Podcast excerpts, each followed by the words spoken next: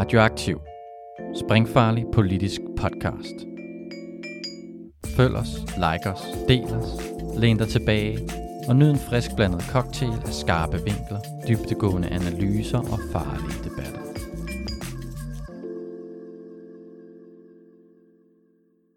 Velkommen til Radioaktiv.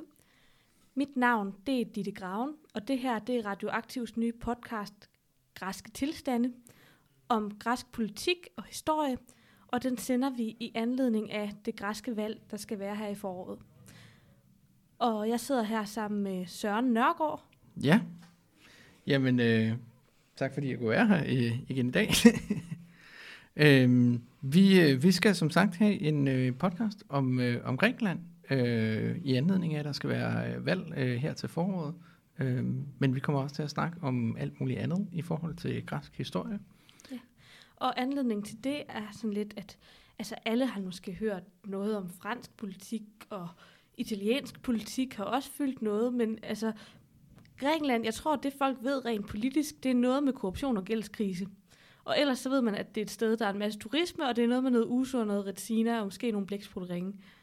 Ja, men der er så meget andet at fortælle i forhold til Grækenland, øh, som er enormt øh, interessant for os som venstrefløj. Øh, alt fra øh, deres øh, eksperiment, øh, eksperimenter med, med, med, med folkemagt og, og direkte demokrati og, og rådstyre, til deres øh, politiske konflikter, til deres øh, meget anderledes sammenskruede økonomi, til en helt anden venstrefløj, hvor at Socialdemokratiet står meget svagt øh, i forhold til, til partierne til venstre for, øh, for dem. Øhm, der er rigtig, rigtig mange ting, der gør øh, Grækenland til et anderledes sted, og vi håber, at I også er interesseret i.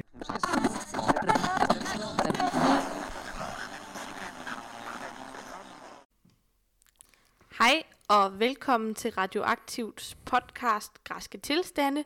Jeg sidder her sammen med Søren, Ja, og mit navn det er Ditte. Og i dag, der skal vi snakke om den aktuelle politiske situation i Grækenland lige nu i forhold til valget, fordi når det her afsnit kommer op i overmorgen fra nu, så er det Valgdag. Valgdag! yeah. Så vi skal simpelthen snakke om, hvad for nogle emner, der har fyldt i valget, og vi skal snakke om øh, sådan den parlamentariske situation, som den ser ud nu, og så skal vi selvfølgelig snakke lidt om det græske valgsystem. Ja. Så jeg tænker, at vi skal i gang. Yes. Jamen, øh, det første, vi, øh, vi har tænkt os at, at vende, er, er lidt at prøve at få, øh, få snakket om, hvad er det egentlig for nogle emner, der har fyldt øh, i den græske valgkamp. Ja, og her kommer man jo ikke uden om, at økonomi har fyldt rigtig meget. Ja. Ligesom herhjemme, så er inflation lige nu det alt overskyggende emne. Som en lille fun fact kan vi sige, lige nu går det faktisk meget bedre med den græske inflation, end den gør med den danske. Vi sad Ja. lige og tjekkede, i Danmark ligger den på 5,3 Ja. øhm, lige nu. Og i Grækenland, der er den på 3%. Og, øhm, men det man så skal huske er selvfølgelig, at grækernes udgangspunkt var bare en anden, den her, da den her inflationskrise kom, at man havde, havde en presset privatøkonomi i de fleste hjem i forvejen. Mm. Og, øh, og derfor så rammer det jo hårdere, når priserne de lige pludselig stiger. Jamen det gør det nemlig i, i meget, meget øh, høj grad. Øhm, der er øh, allerede før priserne begyndte at stige, så var der rigtig, rigtig, rigtig, rigtig mange grækere, som øh, kun lige præcis øh, kunne få, få tingene til at, at løbe rundt. Så. Og så, øh, så bliver man altså ramt rigtig, rigtig hårdt. Så hvor det for den gennemsnitlige dansker, ikke at der ikke er mange mennesker, der har haft det rigtig hårdt og stadigvæk har det, men hvor det for den gennemsnitlige middelklasse dansker måske mest handler om, om man nu kan komme på den sommerferie, man havde planlagt, og om, øh, øh, og om øh, man bliver nødt til at kigge lidt mere i, på madspiltyllerne i supermarkedet, så er det for mange middelklasse grækere reelt et spørgsmål, om de kan blive boende, hvor Ja. de bor, og om de overhovedet kan få aftensmad. Ja, øh, fordi, og det vil jeg gerne sige, fordi selvfølgelig er der også folk, der må gå for hus og hjem og så videre herhjemme i Danmark, men det er mere øh, ideen om, at øh, i Grækenland, så er det også øh, forholdsvist vellønnede funktionærer og så videre, som, øh, som må overveje, om, øh, om, om de stadig kan bo i deres hus, og om, øh, om de har råd til andet den allermest skrabede øh, mad overhovedet. Her, ja, her taler vi netop også skolelærere og øh, universitetsansatte og øh, Læger Læ- og øh, Advokater. Altså, advokater øh, og det er altså med mindre man, man, man tilhører øh, sådan de måske sådan 5-10% mest vellønnede i Grækenland, så er det rigtig, rigtig, rigtig, rigtig, rigtig hårdt øh, lige pt. at være græker. Så derfor fylder det jo selvfølgelig på en anden måde, og dermed igen ikke sagt, at der ikke også er folk mm. herhjemme i Danmark, der har det rigtig svært økonomisk. Ja. Øhm, og øh, hvordan øh, har de politiske partier så håndteret det indtil videre? Jamen, øh, de har jo håndteret det på den måde, at de har fremlagt planer for, øh, hvordan at man simpelthen behøver øge grækernes købekraft. Altså det er simpelthen det, der er i centrum for, øh, for valgkampen. Ja, og øh, vi kom selv til at tænke på sådan et, øh, et ord, vi lidt herhjemme nogle gange har, øh, har brugt omkring valgkampe og kaldt overbudspolitik. Ja. For det er virkelig et spørgsmål om, altså, man har fremlagt de her politiske planer, og så har man sagt, min plan kan øge lønnen mere end din plan. Ja, øh, og det er øh, alle mulige ting og sager. Altså, øh, for det første, så, øh, så lønninger betyder meget. Øh, fordi at øh, den offentlige sektor i Grækenland, den, den fylder selvfølgelig en del, som den gør i økonomien de fleste steder, men lønnen er øh, meget direkte politisk bestemt i Grækenland, øh, hvor at man ligesom sidder som regering øh, med, med sit flertal og beslutter sig for, hvordan det hele skal fungere. Fordi stort set alle i Grækenland er, altså, de, de er tjenestemandsansatte, ansatte, dem der er i den offentlige sektor. Øh, så der er ikke rigtig overenskomstforhandlinger på den måde. Nej. Så det Syriza for eksempel gerne vil, er at hæve de offentlige lønninger generelt, og så at genindføre den 13. lø- lønmåned, fordi ja, sådan en har man haft. Ja, Øh, det er en længere forklaring, øh, hvad, hvad det er for noget, men det er simpelthen bare en form for bonus, du får på årets sidste måned, så du får en dobbelt løn. ja. Så grundlæggende er det sådan lidt en, en, en, en jubilæums... Øh, eller en, ikke en jubilæums, en, øh, en, en, en nytårs julebonus, kan man sige. Det er sådan en underlig konstruktion, og, og har været en integreret del af, af det græske lønsystem altid, at, øh, at man optjener ret til, at man får 13. og tidligere har det også været 14. månedsløn.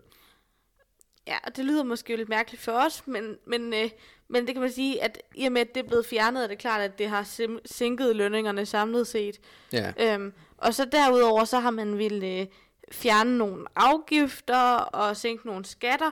Og altså det, man sådan grundlæggende kan sige, og det gælder sådan set begge de store partiers planer, som er dem, mm. vi har kigget mest på, altså Syriza og Nære Demokratier, de borgerlige, er, at man tænker, det, det lyder sørme godt, venner, men... Øh, Det Hvor- lyder godt nok også dyrt. Ja. Det var der, som man som lille kedelig dansker, selvom man er socialist, godt kunne finde på at spørge, øhm, hvor, hvor, hvor tænker I, pengene skulle komme, på, komme fra? Og også som socialist bør, øh, plejer man ikke så at sige noget med nogle skatter? Ja, øh, og, og, og det gør man jo ikke. Altså, man, man, man, altså der ligger øh, skattelettelser øh, hos, øh, hos både øh, højre og venstrefløj, og samtidig ligger der også øh, mere, øh, mere velfærd i form af, af forskellige sådan, øh, former for statsstøtte, overførselsindkomster og sådan noget. Ja, pensionerne vil man Ja. også hæve. Øhm, så vi er virkelig, virkelig ude i sådan noget... Øh, jeg kan ikke huske, hvad det var. Sådan noget. Syriza's økonomiske plan var oppe i sådan noget 76 milliarder euro, eller et eller andet i den retning. Øhm, en ting, man dog lige skal huske før, øh, har jeg, er jeg blevet opmærksom på, før man går helt sådan øh, bananas over, hvor mange penge de har tænkt sig at bruge, er, at i Grækenland har man ikke nogen sådan automatisk øh, løn- og prisreguleringsordning. Hmm. Jeg så, så man, man, man laver ikke en automatisk opregulering af sådan noget som mindstelønssatser, eller øh, offentlige lønninger, eller af pensioner osv. Og det betyder, at man hele tiden løbende politisk skal tage stilling til, hvor meget det skal hæves. Øhm, Så man kan sige, hvis man i Danmark øh, havde sagt, at, at man ville øh, skulle foreslå at hæve, øh, hvad kan vi sige, overførselsindkomsterne øh, med de, hvad er det, 3% eller sådan noget, de så stiger næste år på grund af satsreguleringen, og hvis man sagde, at, øh, at man vil hæve de offentlige lønninger svarende til det, som de bliver øget på grund af øh, privatlønsreguleringsordningen næste år, som er sådan noget, det bliver vel nok omkring 4% eller et eller andet, jamen, så vil det også ende i at blive et astronomisk milliardbeløb. Øh, men der har vi det ligesom bare lagt ind i, i et budget på en eller anden måde, det sker automatisk. Så noget af det, det er måske også lidt kunstigt højt. Okay, ja, det kan da forklare lidt af det i hvert fald, fordi umiddelbart så lyder det jo lidt sjovt. Men jeg synes stadigvæk, det er interessant det her med, øh, med den måde, man ligesom forholder sig til det med beskatning på. Altså her er også en, øh, en sag, vi lige har fået øje på i dag. I dag. Ja, øh, her fredag aften. Hvor øh, at øh, Mitsotakis, han har været ude og beskylde øh, CDSA for at vil brandbeskatte middelklassen. Mm. Øh, og det er fordi, at der er en, øh, en kandidat for Syriza, som øh, lidt er kommet til at sige, at det kunne være, at det var en god idé at koble forsikringsbidragene, som er sådan noget arbejdsmarkedsbidrag, måske at gøre det indkomstafhængigt. Så man vil lave progressiv beskatning. I stedet for flad beskatning. Øh, og så på den måde få nogle flere penge ind. Og det har øh, Syriza så været ude og sige, nej, det kunne de aldrig nogensinde finde på, og øh, middelklassen har ydet store ofre, og derfor skal de selvfølgelig ikke øh, øh, bidrage, øh, og, og ikke, og, og så videre. Øhm, og det, det tænker jeg også bare, det var godt nok øh, noget, man vil have lidt svært ved at forestille sig øh, herhjemme. Øh, og det vidner jo igen om, at det er et meget, meget anderledes sådan politisk system på nogle punkter. Det må man sige, og også i hvert fald ja, en anden måde mm. at føre politik på. Altså igen det der, vi har snakket om flere gange med, hvor skal man lige placere sige det sig hen, fordi på nogle måder, så virker de til at være til venstre for enhedslisten, og på andre punkter, så tænker man... Så tænker man, de, de, de kunne godt blive gode, øh, gode højrefløjs socialdemokrater. Ja, så det er lidt noget sjovt noget. Det må man sige.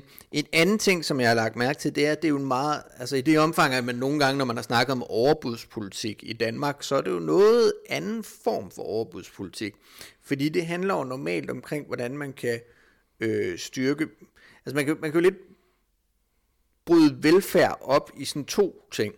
Altså man kan sige, det er serviceydelser, altså sådan noget som øh, undervisning og skolevæsen og alt muligt andet.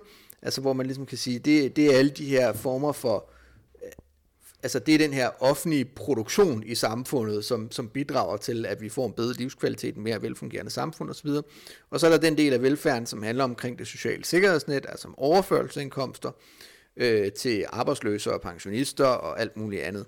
Og hvor at overbudspolitik i Danmark har en tendens til at handle omkring, hvem der vil bruge flest penge på skolerne, og hvem der vil bruge ja. flest penge på hospitalerne osv., så er det i Grækenland meget mere et spørgsmål om, hvem der vil bruge flest penge på de fattige pensionister, og hvem der vil bruge flest penge på de arbejdsløse, og hvem der vil hæve de offentlige ansattes løn med mest. Og jeg ved ikke, hvor meget af det, der lige nu her skyldes, at det er inflation, der fylder så meget. Jeg synes i hvert fald, at det er virkelig interessant, det du siger i forhold til, at jeg havde netop tænkt, at i kraft af, at togulykken i Tempi, som vi har fortalt om mange ja. gange før, at den fyldte så meget, da vi var i Grækenland, og at folk netop brugte det som afsæt på til at forklare om, hvordan den offentlige sektor slet ikke virkede, og mm. øh, om hvordan man kunne se, at det gik helt galt, når man prøvede at, øh, at øh, privatisere, og når man øh, nedprioriterede den offentlige sektor økonomisk, og at øh, også brugte det som netop afsat til at snakke om, at øh, uddannelsessektoren ikke må privatiseres ja. og skulle genopbygges igen, og kvaliteten skulle hæves, og hospitaler kunne man også få det til at handle om. Så jeg tænkte egentlig, at især venstrefløjen ville bruge det som afsæt for... På, jeg, jeg tænkte egentlig, at venstrefløjen ville bruge det som afsæt for at snakke om især de offentlige ydelser, altså mm. de offentlige serviceydelser. Ja. Men, men det har ikke fyldt så meget sådan i den officielle valgkamp i hvert fald. Nej, og, og, jeg, og, og det er også, når man læser partiernes øh, egne øh, valgprogrammer, så er det heller ikke det, der er det centrale. Øh, det handler omkring, hvor meget man kan, man kan øh, hæve øh, lønningerne og købekraften med.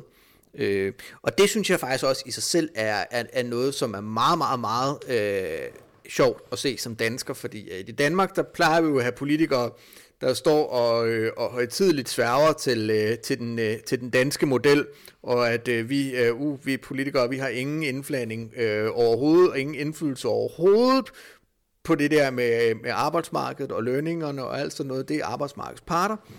I Grækenland, så er man lidt sådan gået fuldstændig i en modsatte grøft, Altså så har du partierne, som fremlægger deres planer, og så øh, hvor at i Danmark, så vil du måske have nogle... Øh, altså det, vi kender det godt, for når partierne de ligesom fremlægger hvor meget, øh, deres økonomiske øh, planer, at så er det ledsaget af en eller anden beregning for nogle økonomer, eller et eller andet, som siger et eller andet omkring, hvor mange arbejdspladser det skaber, eller mm. sådan noget. Men her i Grækenland, så er det primære tal, der ligger, det er, hvor meget kommer det til at hæve lønnen med det er jo godt nok lidt anderledes end herhjemme, hvor det er fuldstændig tabubelagt at snakke omkring, at selvfølgelig påvirker økonomisk politik løndannelsen. Ja, det må man sige. Det er interessant, men man kan også sige, altså, bliver det ikke lidt et problem, at man kun kan snakke om løn mm. og øh, overfaldsindkomster? Altså, når, når alle vi talte med var enige i, at en af grundene til, at det ikke gået Grækenland bedre økonomisk, er, at man ikke har foretaget alle de her offentlige investeringer, man har gjort mange andre steder. Var det, så kunne man spekulere lidt på, var det ikke der, man skulle starte i virkeligheden? Jo, øhm, jeg, jeg tror også, at jeg tror, man kommer ikke uden om, at noget af det her, det, det er simpelthen specifikt til den krise i, i levevilkår, som man har haft. Øh, selvfølgelig den, man har haft i, i, i lang tid med, med finanskrisen, som ligesom gradvist bør begynde at arbejde sig ud af, og så den her fuldstændig akutte krise, der har været her det sidste års tid. Øhm. Men det tænker jeg også, du har ret i, fordi hvis man kigger sådan historisk på, hvad især Syriza har haft af planer, så har de jo netop altid haft planer for øh, udviklingen af især den offentlige sektor, men også offentlige investeringer generelt i infrastruktur og Ja, men, men det er faktisk ikke så meget anderledes end... Øh, altså op til, øh, til at Syriza fik magten der i 2015, så øh, fremførte de øh, deres økonomiske plan, som hed Thessaloniki-programmet, øh, fordi det blev lanceret ved en konfor, øh, kongres i Thessaloniki.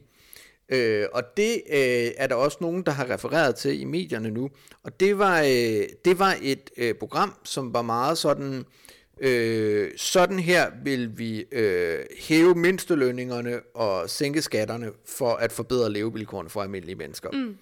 Øh, og jeg kan huske fra, øh, så jeg har læst øh, øh, Janis Varoufakis øh, erindringer, og han var jo øh, også ved at blive drevet til vanvid over øh, den her tilgang, øh, hvor at der skulle øh, bruges rigtig, rigtig mange penge på at forbedre levevilkårene, som man for det første ikke havde, øh, fordi det engang var man jo fuldstændig, øh, altså funktionelt set var man gået statsbankerot.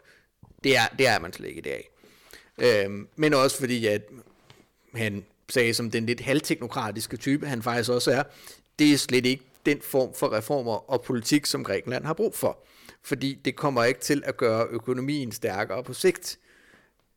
Vi har brug for noget, der skaber fundamentet for en stærkere økonomi. Og, og jeg tror lidt, at man, at man også kan se, at det er noget, noget lignende, der sker nu. Mm. Bare faktisk man... øh, eget parti fører øvrigt også bare øh, super meget overbudspolitik ja, nu. så det var nemlig det, der var sjovt. Jeg kan huske, da jeg sad og kiggede på øh, Tilas program, så sad jeg og tænkte, Nå, men altså, Janis kommer vel så med noget, der ser lidt anderledes ud. Men nej, han havde faktisk bare endnu højere hævninger af lønnen, end øh, ja. havde lagt op til. Mm. Men, men ikke nogen sådan øh, udbygning af, øh, af, den off, af de offentlige servicer, eller øh, investeringer af nogen slags, sådan i hvert fald i planen. Ja. Altså man kan, jo så, man kan jo så spekulere i, hvor meget af det, der reelt er, er hvad partierne har tænkt sig at gøre i praktisk, praksis, og hvor meget af det, der er det her, at vi, i hvert fald lover at gøre til valget, men man kan i hvert fald sige, at hvis de har tænkt sig at overholde den mm. plan, så bliver det svært at finde penge til så meget andet. Ja, øh, hvis de overhovedet kan finde penge til det. Øh, Det, det bliver i hvert fald interessant at se. Nå, men, Men, jeg, men, men det, det, det er i hvert fald et, en, en speciel form for politik, der kører dernede. Ja, men der er jo trods alt også andet end økonomi, der har fyldt noget i valget, mm. eller som politikerne i hvert fald har prøvet at få til at fylde noget, og meget det så lykkes, ved jeg ikke. Men en af de ting, som i hvert fald højrefløjen har prøvet at få til at fylde, det er jo udlændingepolitikken. Og der har man prøvet at køre sådan en øh, klassisk højrefløjslinje, hvor at øh, Mitsotakis især har været ude og snakke vældig meget om, at han er ret glad for det her store hegn, han har fået bygget Mm. til... Øh, Øh, ved Efros, som er der, hvor at landgrænsen til Tyrkiet er. ja, så han har fået bygget et stort hegn til Tyrkiet, øh, og det han, har, han har snakket en masse om, hvor glad han er for det her hegn, og det skal forresten udbygges og forstærkes, fordi så kommer der ikke nogen flygtninge ind, og det er jo godt. Mm. Og, øh, øh, og hvor til at Syriza så har svaret, at øh, jamen, hvis, øh, hvi- hvis Mitsotakis han er så glad for sit hegn, så synes de, at han skulle bygge et til sig selv. Ja, Øhm, og de har ikke tænkt sig at vedligeholde hans hegn. nej. Men det er helt klart, altså det er, jo, det er jo noget, de bruger meget aktivt. Altså, øh, jeg mener også, der var, øh, at der var spørgsmål om det i, øh, i den her øh, lidt mystiske partilederrunde, vi så. Det var der om bestemt. hvorvidt, at, øh, hvorvidt Syriza havde tænkt sig at, øh, at, øh, at nedlægge hegnet, eller... Ja, og det var så her svaret var, at sådan en lille smule tvetydigt, at man havde ikke tænkt sig at akut nedlægge det, men man kommer ikke til at vedligeholde det. Nej. Øh, men, men man kan godt mærke, at, øh, at, at, øh, at Syriza på en eller anden måde synes, de lidt er blevet fanget der. Ja. I, i, i noget, hvor de ikke helt rigtig har lyst. Men det er blevet sådan lidt et politikersvar med, at øh, hvis, hvor, hvor deres officielle svar er blevet, at de synes, det er principielt forkert med et hegn. De har ikke, som de formulerede lærer det, tænkt sig at bruge penge på at fjerne hegnet, mm. men de har heller ikke tænkt sig at vedligeholde det, så det må stå og falde sammen af sig selv. Ja. Og altså grunden til, at Mitsotakis har været ude at sige, at han vil udbygge hegnet, er jo også, at det er ved at blive slidt visse steder, at der er kommet huller i det. Mm. Så det man har sagt, det, det de så har sagt til gengæld er, at vi kommer ikke til at lukke hullerne i hegnet. ja. Øhm, Men PASOK, Socialdemokraterne til gengæld, har øh, meldt sig som, øh, som fans af hegnet, som jeg vidste også Ja, ja, nævnt sidst. det er nemlig. De vil, de vil bygge hegnet, og så få, ikke meksikanerne, men, øh, men, men europæerne til at betale for det. Simpelthen. Øh, man kan også øh, sige, at, at, øh, at Grækenland er jo faktisk, øh, altså, i forhold til, til mængden af, af, af flygtninge og sådan noget, der, øh, der bor øh, og har boet i Grækenland, så er det, altså nogle gange så hører man jo lidt herhjemme, at man snakker om, at, øh, at det der med flygtninge, det er også, og det er også dyrt og en byrde for samfundet osv. Men altså mængden af flygtninge, vi har haft i Danmark, relativt hvad man har i Grækenland, er meget, meget lille. Øh, så det er, lidt, det er lidt en anden situation, øh, hvis man kigger på det sådan, øh, sådan økonomisk. Øh. Men altså, hvis vi skal snakke om, øh, om andre, der har det lidt svært i Grækenland, så tænker jeg, at vi kan snakke lidt om, hvad øh, der optager de unge vælgere her i valgkampen. For det er jo også det er jo en af de vælgergrupper, som man sådan øh, prøver at få lidt mere i spil. Ja, og, og vi har jo også været nede og snakket med nogle unge mennesker, så Så, så, så, er vi, så vi kan bruge dem til noget, eller Ja. det, de sagde til os. ja, øh, fordi øh, unge mennesker, det er jo, øh, har jo lidt en, en, speciel position i, i Grækenland, øh, fordi at der er så mange af dem, der, er- der simpelthen er flygtet ud af landet. Ja. Altså, Så det man gerne vil, det er, at man vil have dem et til at stemme, to til gerne at blive i Grækenland. Ja. Øh, men de er jo i høj grad flygtet, fordi at det er dem, som er blevet ramt aller, aller, aller hårdest af, øh, af hele sådan den krise, der har været oven på, på, på gældskrisen.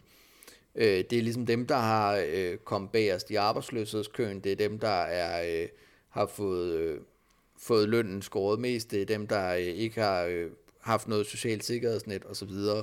Ja, og man kan sige, at de problemer, som unge sidder med i dag, er også sådan nogle altså helt, helt basale ting, som at man ikke har råd til at flytte hjemmefra. Mm. Sådan at unge helt op i 30'erne stadigvæk bor hjemme ved deres forældre. Ja, fordi de simpelthen ikke har, øh, har pengene til det.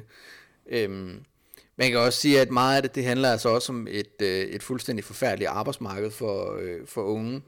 Øhm, Ja, du sagde, at arbejdsløsheden for unge var helt op på 60 procent, da den var højest. Ja, ungdomsarbejdsløsheden under krisen, da den toppede, var på 60 procent. Og nu er den så nede på 25 procent. Ja, og man kan sige, 25 procent, det er det samme som den generelle arbejdsløshed for alle var, da den toppede. Nu er den nede omkring 10 procent. Mm.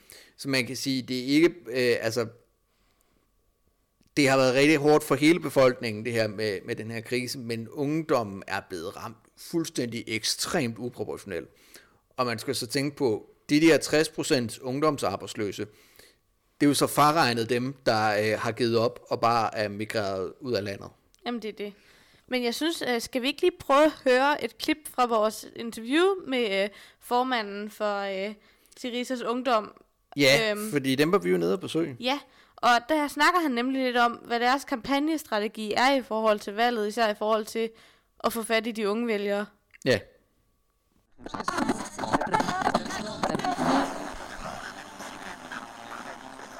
Okay, and also have austerity policies. Yeah. We had a transformation of the labor market in a in another way. Yeah. Not a progressive in a, in a progressive direction. Yeah. And this is uh, this has as a result a, a huge immigration, Yeah. A huge unemployment. Uh, Greece is the first European country in the in the youth unemployment. Yeah. And uh, so uh, these are the main aspects that uh, young people will have to mm, to deal with. So their decision uh, in the elections will focus on which party uh, will answer these uh, main aspects and in which way, in which direction, with progressive policies or not. Do young people in, in Greece usually vote for the left or the right?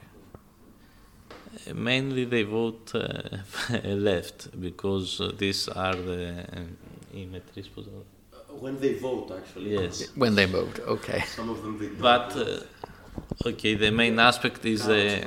yeah okay Yeah. to to to talk about a, a new relation of the youth with politics. Yeah.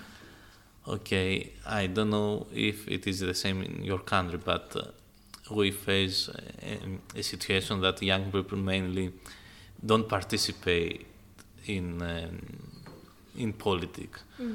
So this is the first thing that we try to to change. Yes, youth participations in the election and generally in the unions, student unions, trade unions Yeah.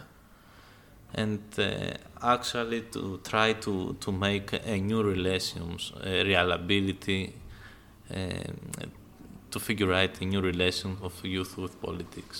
Yeah. Κάτι άλλο?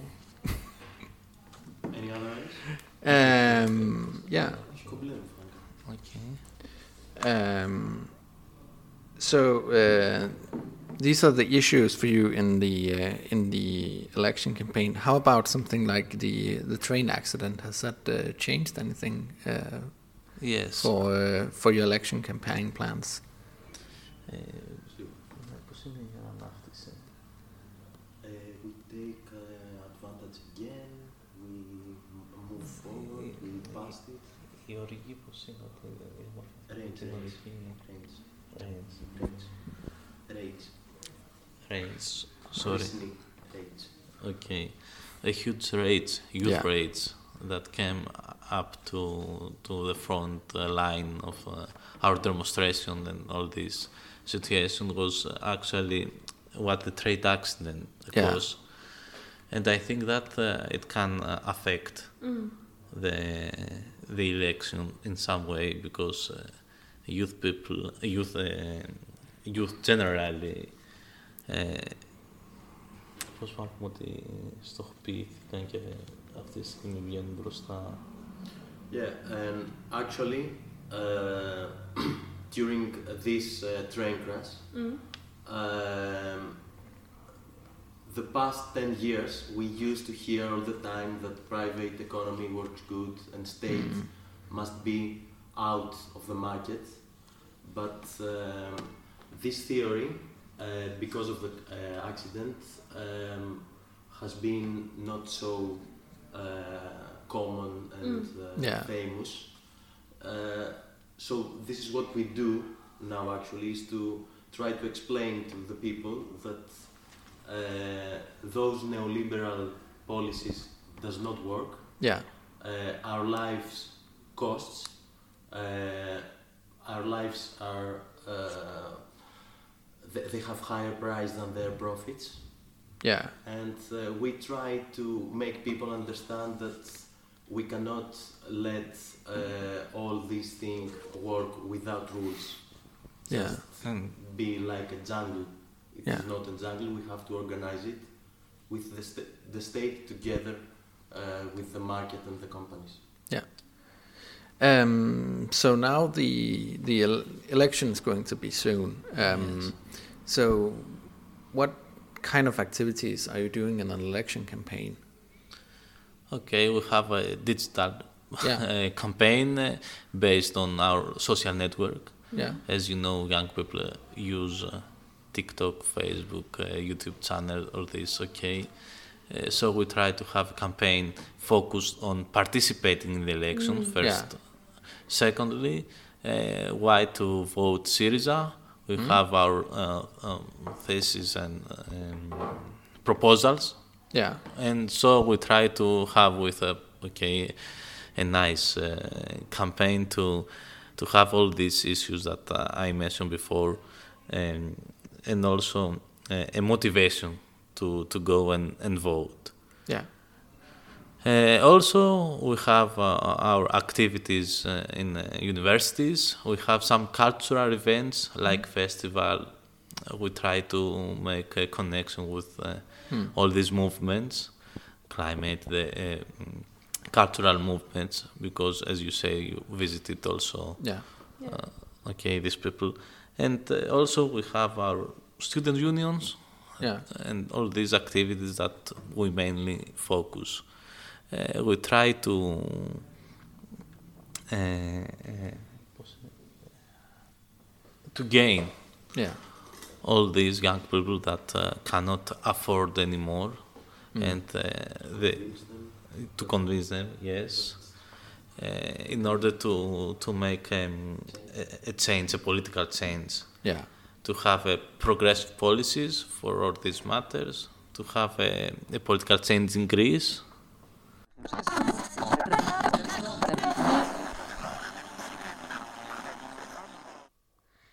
Ja, altså jeg synes jo noget af det, der var rigtig interessant i det her måske lidt utydelige interview, var, at øh, man fokuserer så meget på bare det at få de unge til at stemme. Ja. Det, øh, altså, jeg, jeg ved godt, at, øh, at, at vi snakker også hjemme altid omkring, øh, oh, det er også vigtigt det der med at få de unge til at stemme og alt sådan noget. Men altså, langt de fleste unge mennesker stemmer jo, øh, og det er jo ikke reelt det, som ungdomspartierne for eksempel bruger deres energi på, når de er føre kampagne. Det er primært bare at få dem til at stemme på deres parti, deres kandidat. Ja, altså, og så siger man godt nok, at øh, grunden til, at man skal have særskilte ungdomspartier, er for at vise de unge, hvorfor det også er vigtigt for dem at stemme, og at det er vigtigt, at vi fører vores for vores vedkommende venstreorienteret politik på en måde, der appellerer til de unge, så de stemmer. Ja. Men her er budskabet jo, skabet jo simpelthen, det handler om først og fremmest at få de unge til at stemme, dernæst at få dem til at stemme, Sirisa. Ja. Så synes jeg også, det er interessant det her med, at ungdomspolitik i øh, Grækenland virker til at være så koblet op på universiteterne. Ja, og det kan vi jo se på flere måder. Ikke? At vi har jo snakket om øh, i, i vores sidste episode, hvor, hvor centralt at øh, studenterpolitik er for, for Grækenlands politiske historie. Men det er jo også sådan så, at, øh, at der er øh, at alle de her forskellige øh, studenter øh, organisationer, som, som driver den her form for aktivisme, og som øh, er koblet op på de forskellige partier. Det er jo slet ikke ligesom i Danmark, hvor man ligesom har det der brede øh, øh, Danske Studerendes Fællesråd og sådan noget, og vi kender det også fra gymnasierne, at man har DGS og sådan noget, som ligesom i hvert fald på papiret skal fagne på tværs af alle partiskæld. Mm. Men her har man ligesom bare Sirisa Uni. Ja. Og Nære Demokrati og Uni, de er nok ikke så store, men, men de findes. Øh, der har jo faktisk lige været valg Øhm, og øh, der fik øh, Syriza øh, læsterlige klø af kommunisterne øh, til, til deres univalg. Øh, der, øh, der vandt øh, kommunisternes øh, studieorganisation meget, meget, meget stort. Øh, så det, altså jeg, jeg ved ikke nok om sådan øh, græsk studenterpolitik Ej, til at kunne udtale mig om, hvorfor. lidt pas. Nu sagde, Men, jeg så øh, også, øh, nu sagde jeg så også bare nære demokrati, at de er heller ikke just kommunister. Nej, Øhm, men de er, de er større ude på universiteterne, end, øh, end øh, Syriza er. altså nære demokrati. Ja. Hold da op. Ja, men jeg ved ikke, altså jeg, jeg, jeg har lidt en idé om, altså det virkede også som om, jeg tror, kommunisterne fik 40% eller et eller andet, så jeg tror måske lidt, det er blevet sådan, at kommunisterne er den store venstreorienterede gruppe, øh, sådan organisation, og så er, øh, altså, så er der den store borgerlige organisation. Mm. Ja, det giver mening. Nå, men i hvert fald, så er det meget centreret omkring universiteterne, og det synes jeg også bare er interessant set i forhold til en valgkamp, fordi herhjemme vil øh, ungdomspartis valgkamp jo rigtig meget handle om at være ude på gymnasierne mm. og få fat i førstegangsvælgerne. Ja. Og det kan man godt mærke, det er bare noget andet her. ja, der er det meget mere koncentreret omkring universiteterne. Og der tror jeg igen, at vi skal tilbage til, at det handler så meget om at få en bredere gruppe af unge til at stemme. Altså det er ikke så meget et spørgsmål om at få dem, der lige er gået fra at være børn til at være unge voksne til at interessere sig for politik. Det er mere at få unge mennesker over en bred kamp, kamp altså folk mm. fra øh, 17 til 35 nærmest til at forstå, at man kan gøre en forskel Mm. af parlamentarisk vej. Altså, det var jo også noget af det... Eller udenomsparlamentarisk. Eller udenomsparlamentarisk. Det, øh, det fylder jo også meget mere med, altså både det studenterpolitiske arbejde og det fag, faglige arbejde og sådan noget fylder jo også. Øh, og der, der kunne man også godt mærke på vores interview, at det nok fylder mere, end det vil gøre i, øh, i, i, i dansk ungdomsparti. Helt klart. Altså også sådan, øh, han nævnte fagforeninger rigtig mange gange. Mm. For eksempel, at der er man ligesom også aktiv og har sine egne afdelinger i, og ja. fokuserer meget på at organisere unge i fagbevægelsen. Mm. Men så snakkede vi jo netop også om det her med, at netop fordi, at man har haft så stor ungdomsarbejdsløshed i så lang tid, og der er mange unge, der er blevet nødt til at øh, simpelthen tage væk Ja. for, at, øh, for at kunne opretholde liv, at så er der kommet lidt i den yngre generation sådan en, en apati Mm. over for det græske politiske system og samfundet i det hele taget. Altså, Det forstår man jo godt. Ja, det forstår man godt, at man har, man har den her fornemmelse af, jamen, altså hør nu her, det har gået elendigt alt den tid, vi har været gamle nok til at interessere os for, øh, for politik, og uanset hvem der har siddet ved magten, så har vi aldrig oplevet, at det sådan er blevet for alvor bedre, mm. så hvorfor skulle det gøre nogen forskel den her gang? Ja. Og det er jo så meget det, man i virkeligheden Mm. prøver at, øh, at, at ændre synet på. Ja. Og derudover så, så er der også det, der er anderledes i forhold til dansk ungdomspolitik, at øh, kandidaterne er simpelthen bare ældre. Det, alt er bare ældre. Øh, vi kan også lige starte med at sige, at der er en aldersgrænse på, øh, på, til det græske parlament på 25 år. Øh, det er sjovt, fordi deres, øh, man bliver stemmeberettiget, når man fylder 17 dernede. Men man skal være 25 eller ældre for at komme i, øh, komme i parlamentet. Og det gør jo så også, at deres unge kandidater så også bare bliver de ældre, Ældre. fordi de minimum skal være 25. Ja, og, øh, men selv der, det er ekstremt få. Jeg kan huske, at vi snakkede med, da, da vi snakkede videre med dem bagefter, så nævnte, øh, nævnte de, at de havde også de her unge kandidater, og, øh, og det var jo ligesom, for, for dem som er unge kandidater, det var folk under 35, øh, og dem havde de, hvad var det, fem af, Ja. øh, og det var de meget stolte af. Og de var meget stolte af, at den her gang havde de 8, Ja, og fordi at sidste gang havde de kun haft 5. Ja, det er rigtigt. Øhm, og jeg, jeg tror bare, at jeg tænker, okay, øhm, i et kæmpestort parti, som får en tredjedel af stemmerne, og har, jeg ved ikke hvor mange tusind med, øh, 10.000 vis af medlemmer, men antallet af unge kandidater, som gør dem meget, meget, meget stolte, at det er sådan, altså, jeg vil, jeg vil sige, de fleste partier i Danmark, som er bare en, en tredjedel, en fjerdedel af Syrizas størrelse, har jo flere unge kandidater, end de har. Ja, altså nu skal det jo ikke være nogen hemmelighed, at både øh, at ja, vi har begge to en baggrund i SFU, altså mm. SF Ungdom, og i SF Ungdom havde vi flere unge kandidater sidste gang Ja, end otte. og, øh, og det var jo bare øh, dem, som SFU havde valgt at prioritere. Hvis du tog alle, der var under 35, der stillede op for SF, så tror jeg hurtigt, du var kommet op på en, på en 20 stykker eller sådan noget.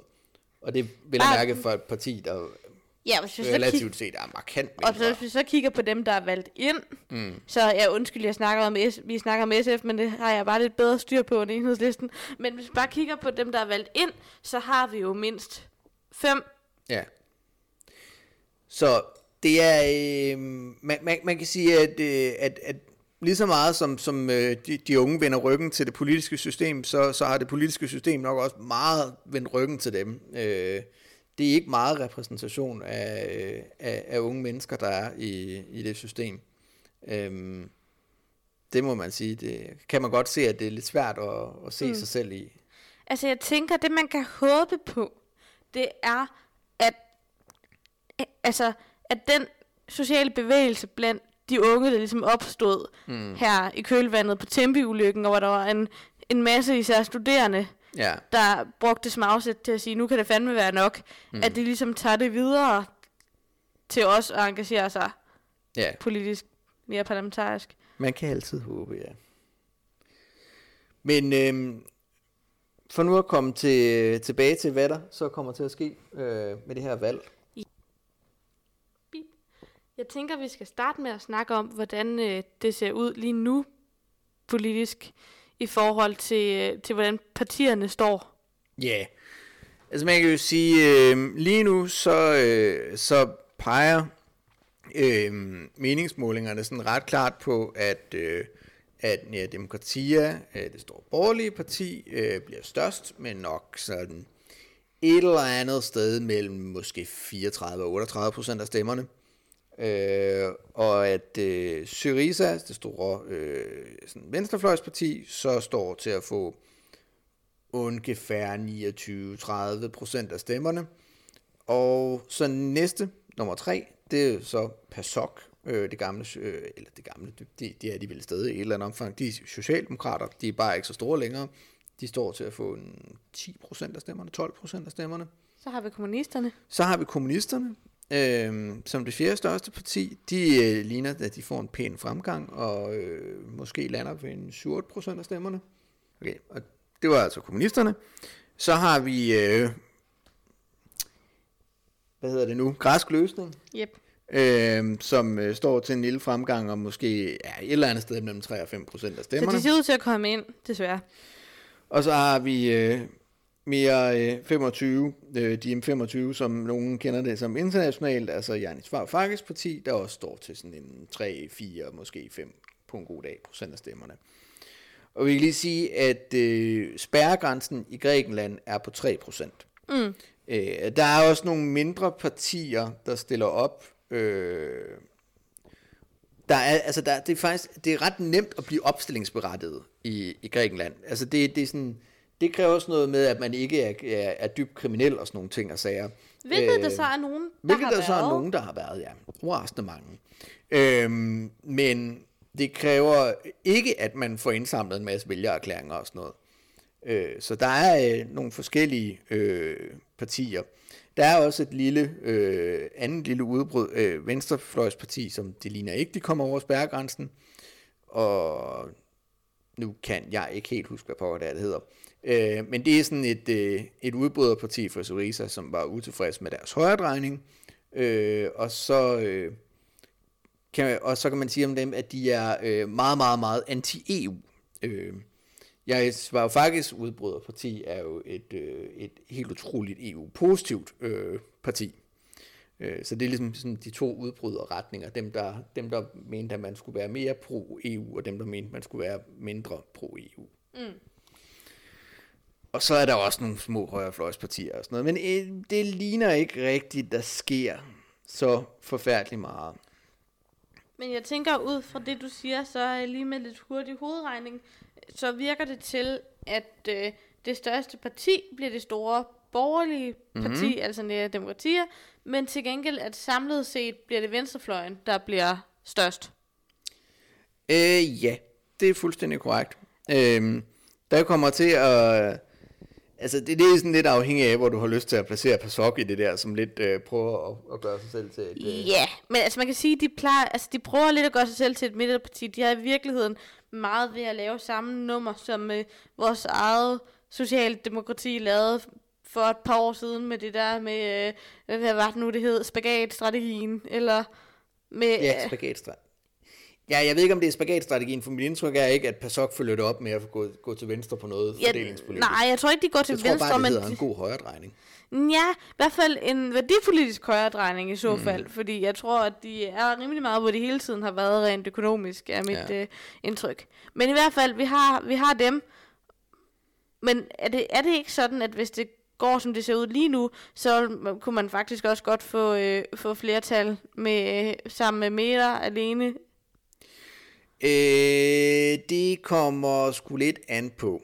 Øhm, Men nu Altså- snakker vi også med, om flertal, fordi det der var min pointe, det var, Ja. at det, det lyder meget godt, det der med, at venstrefløjen ser ud til at blive størst, men altså, kommer det nødvendigvis til at betyde, at der bliver en, øh, en, en rød regering? regering overhovedet ikke. Øhm, det er nemlig sådan, så at øh, skal vi nok lige snakke lidt omkring, øh, omkring det græske valgsystem. For Grækenland har altid lidt haft en historie med det, som man kalder forstærket proportionalitet. Øh, altså forskellige former for valgsystemer, hvor at udgangspunktet er en, et proportionelt valgsystem, hvor at man ligesom giver sådan mandater proportionelt til, hvor mange stemmer man har fået, bortset fra selvfølgelig en spærregrænse.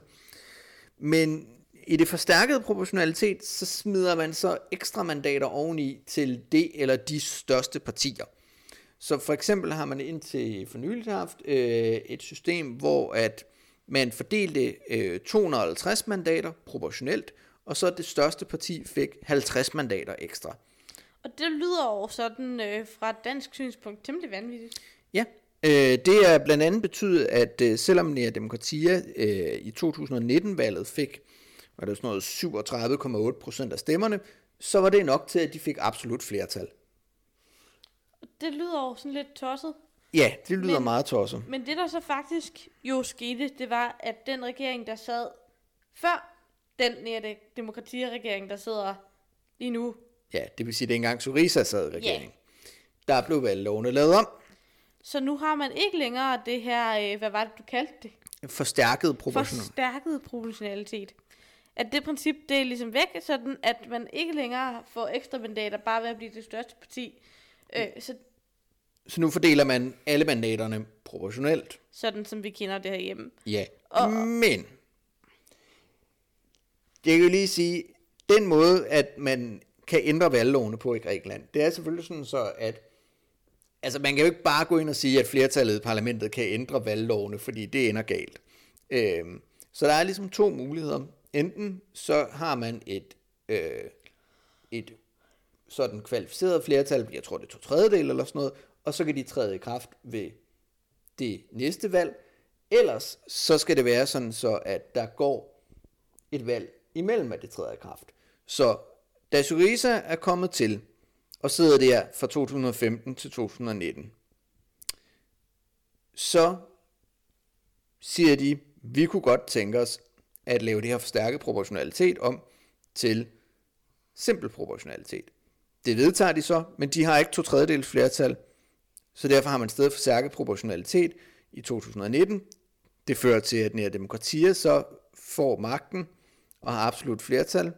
Men Så laver de så loven om igen, sådan så at den så skal lave tilbage til forstærket proportionalitet, men de har heller ikke noget kvalificeret flertal, og derfor så bliver man nødt til at have det simple flertal ved det her valg i 2023. Så for ikke, så hvis vi lige skal prøve at samle op på den lidt halsbrækkende udlægning, øh, så kan man sige, at det, det i praksis i hvert fald kommer til at betyde, mm. det er, at ved det her valg, der bliver holdt nu, Ja, der har man ganske almindelig proportionel fordeling af stemmerne. Der er der ikke noget som helst mærkeligt forstærket proportionalitet.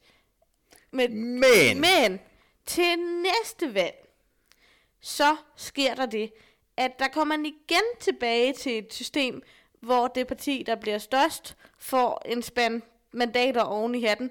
Dog ikke nær så stor, som den var før. Nej, øh, men øh, jeg mener at huske, at den løsning, som øh, Nea Demokratia har lavet, da de er gået tilbage, øh, er sådan lidt en lidt blidere form for, øh, øh, for det, hvor at man i stedet for at sige 50 mandater ekstra til det største parti, siger, at det er sådan noget, så giver vi 30 mandater ekstra til det største parti, og 15 mandater til det næststørste parti, og 5 til det tredje største parti, eller sådan noget.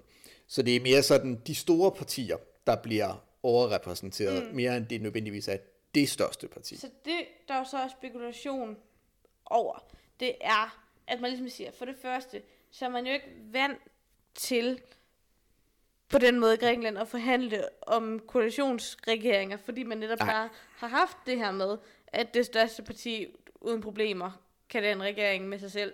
Øhm, så det man sådan lidt kunne tænke, det var, at det der øh, øh, nok mest sandsynligt ville ske, var, at øh, man vil få et valgresultat, hvor at øh, det største parti blev det store borgerlige parti, Nea Demokratia, øh, men fordi at de ikke havde samlet set et flertal, så ville de ikke kunne danne regering, og derfor mm. så ville der blive endt med, at det blev udskrevet nye valg, så, og denne gang med, med nye valgregler, der er tættere på de gamle valgregler, Ja. Som så måske vil gøre, at der bliver et mere tydeligt flertal. Ja, og man kan sige, det er jo ikke bare spekulation. Altså, det er jo ligesom det, som, øh, som øh, Nea Demokratia øh, har sagt meget eksplicit, at det er deres hensigt, at øh, hvis de ikke vinder øh, nok til, at de kan øh, danne en regering med et absolut flertal øh, i den her omgang, så har de ingen intentioner om at indgå i forhandlinger om koalition.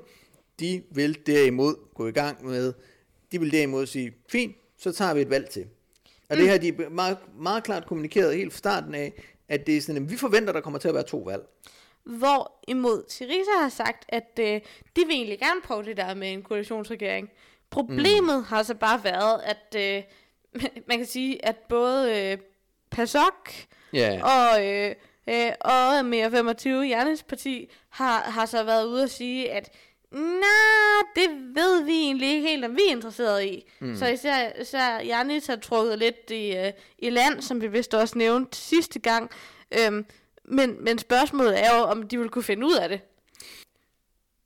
Men det, der i virkeligheden er den store barriere for, at det her det kan fungere, det er jo, at man har en stor del af stemmerne, som falder på nogle partier, hvor at man kan sige, det er ikke så meget et spørgsmål om måske, måske ikke. Det er et spørgsmål om, at det kommer bare ikke til at ske. Mm. Kommunisterne altså, for eksempel. Kommunisterne for eksempel. De har det jo sådan et, vi kommer til at indgå i en regering den dag, at øh, folkemagten overtager staten, og hjerte, hjerte, hjerte. Det er så ikke helt rigtigt, fordi de har faktisk engang siddet kortvarigt i en koalitionsregering med de konservative af alle mennesker. Øh, med det formål at, øh, at øh, styrte øh, Socialdemokratiet for magten. Men det er en helt anden historie. Øh, det samme gælder for, øh, for græsk løsning, altså det her øh, sådan øh, højere ekstreme parti, det er heller ikke rigtigt, fordi de er øh, sådan potentielle koalitionspartnere.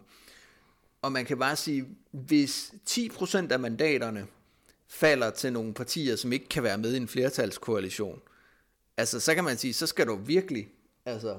Så skal du i hvert fald overtale nogen til så er det mindste at være parlamentarisk grundlag. Ja, og, og man har ikke helt rigtigt... Det man har i Grækenland, det er, at man har faktisk haft koalitionsregeringer. Men traditionen omkring parlamentarisk grundlag, det har man simpelthen ikke. Nej. Altså, man, man har flertalsregeringer i Grækenland. Så det kan man ikke. Så, så skal man... Ja, så, så skal man i hvert fald overtale. Mm. Nå, så hvis det er venstrefløjen, skal man i hvert fald overtale PASOK til at være med. Ja. Yeah. Mindst. Mindst. Og spørgsmålet er, om det nogensinde ville kunne lade sig gøre at få både PASOK og mere 25 med. Det tror jeg simpelthen ikke på. Hmm. Jeg tænker, en af dem kan jeg godt se, altså jeg kan godt se, at de hver for sig kunne blive overtalt.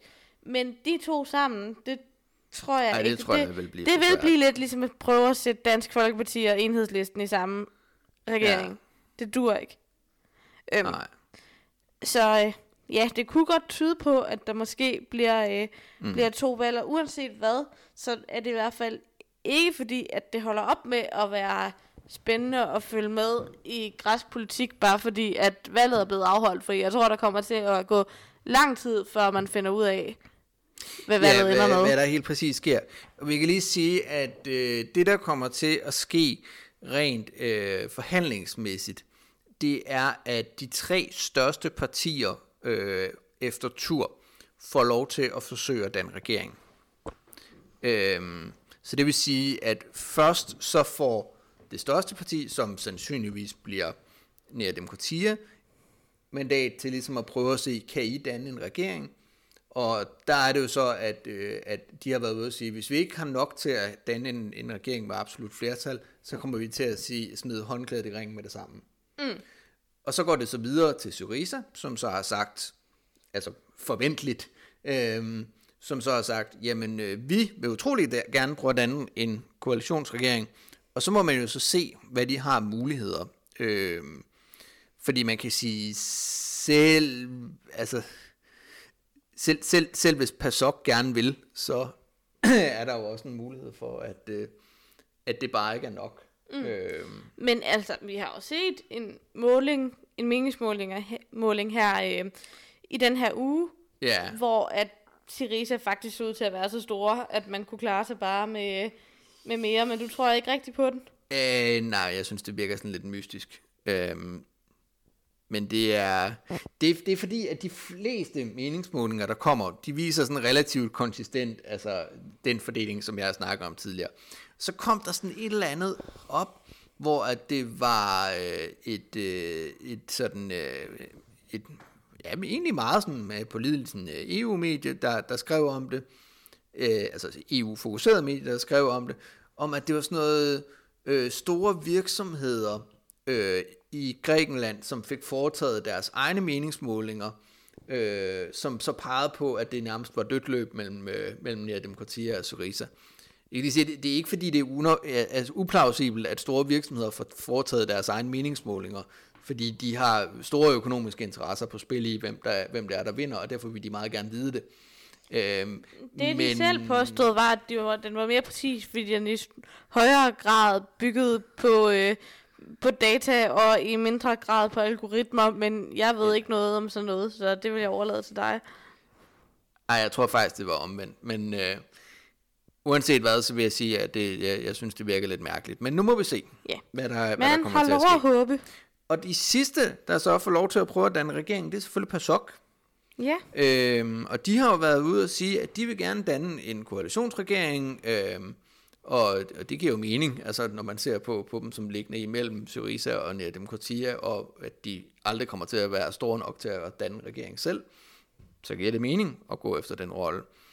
De har været ude og sige sådan lidt, øh, lidt interessant, at øh, de kan se sig selv øh, i regeringen med både Nea Demokratia og med øh, Syriza, men at de ikke vil have hverken Tsipras eller øh, Mitsotakis som premierminister. Så det kunne lyde som sådan en sjov måde at sige, at øh, vi vil godt lave en koalition med hvem end der gider, hvis ellers bare vi må få premierministerposten. Øh, ja. Yeah. Og, og jeg tænker, at sandsynligheden for, at nogen vil være med på den, virker ikke så stor. Nej. Og så skal det være fordi, at der er en, en anden, der, der så bliver valgt som premierminister for de to partier, men altså både Mitsotakis og, og, og Tsipras sidder meget solidt på magten i deres tænker, partier. Det virker det, ikke som om, de lige umiddelbart bare lige bliver vippet af til fordel for en anden. Nej, og jeg tænker, at det, det i virkeligheden handler om, er ikke så meget Tsipras eller Mitsotakis, men nok mere, at de gerne selv vil have den. Hmm. Ja. Men ellers så tænker jeg, at det kunne være sådan lidt ligesom en uh, situation i, hvad var det, i 93 eller et eller andet, dengang, at, uh, at de radikale kun ville pege uh, på, uh, på en socialdemokratisk statsminister, hvis det var Poul Nyrup og ikke Svend Augen. Mm. Men uh, igen, det, det ved vi ikke. Men det er i hvert fald det, der kommer til at ske. Så sandsynligvis så ser vi ud i, at der kommer et valg igen øh, her øh, til, øh, til sommer. Og øh, så må vi jo se, hvad der kommer ud af det. Altså man kan bare sige, at det er meget heldigt for os, fordi vi er i hvert fald slet ikke færdige med at fortælle jer om Grækenland. Ja. vi har i hvert fald tre afsnit liggende endnu. Ja. Så uanset om de så bliver sendt ud over, øh, øh, over regeringsforhandlinger eller øh, nyvalg, så kommer i hvert fald ikke... eller begge dele, så kommer I i hvert fald ikke til at kede jer undervejs. Nej. Så øh, vi, øh, vi glæder os bare til, at øh, der kommer til at være, at være valg, og se, hvad der kommer til at ske. Ja. Og så ses vi på den anden side af valget. Jamen, det gør vi. Tak for nu. Tak for nu.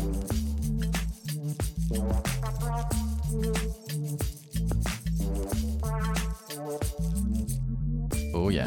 Inden du smutter, husk nu lige at følge Radioaktiv. Vi er på Facebook, Twitter, på SoundCloud eller i din podcast-app. En række af vores podcasts udkommer også som video på YouTube. Du må også gerne dele os med dine venner. Hvis du er ellevild, så kan du gå ind på solidaritet.dk og blive medlem af vores medie.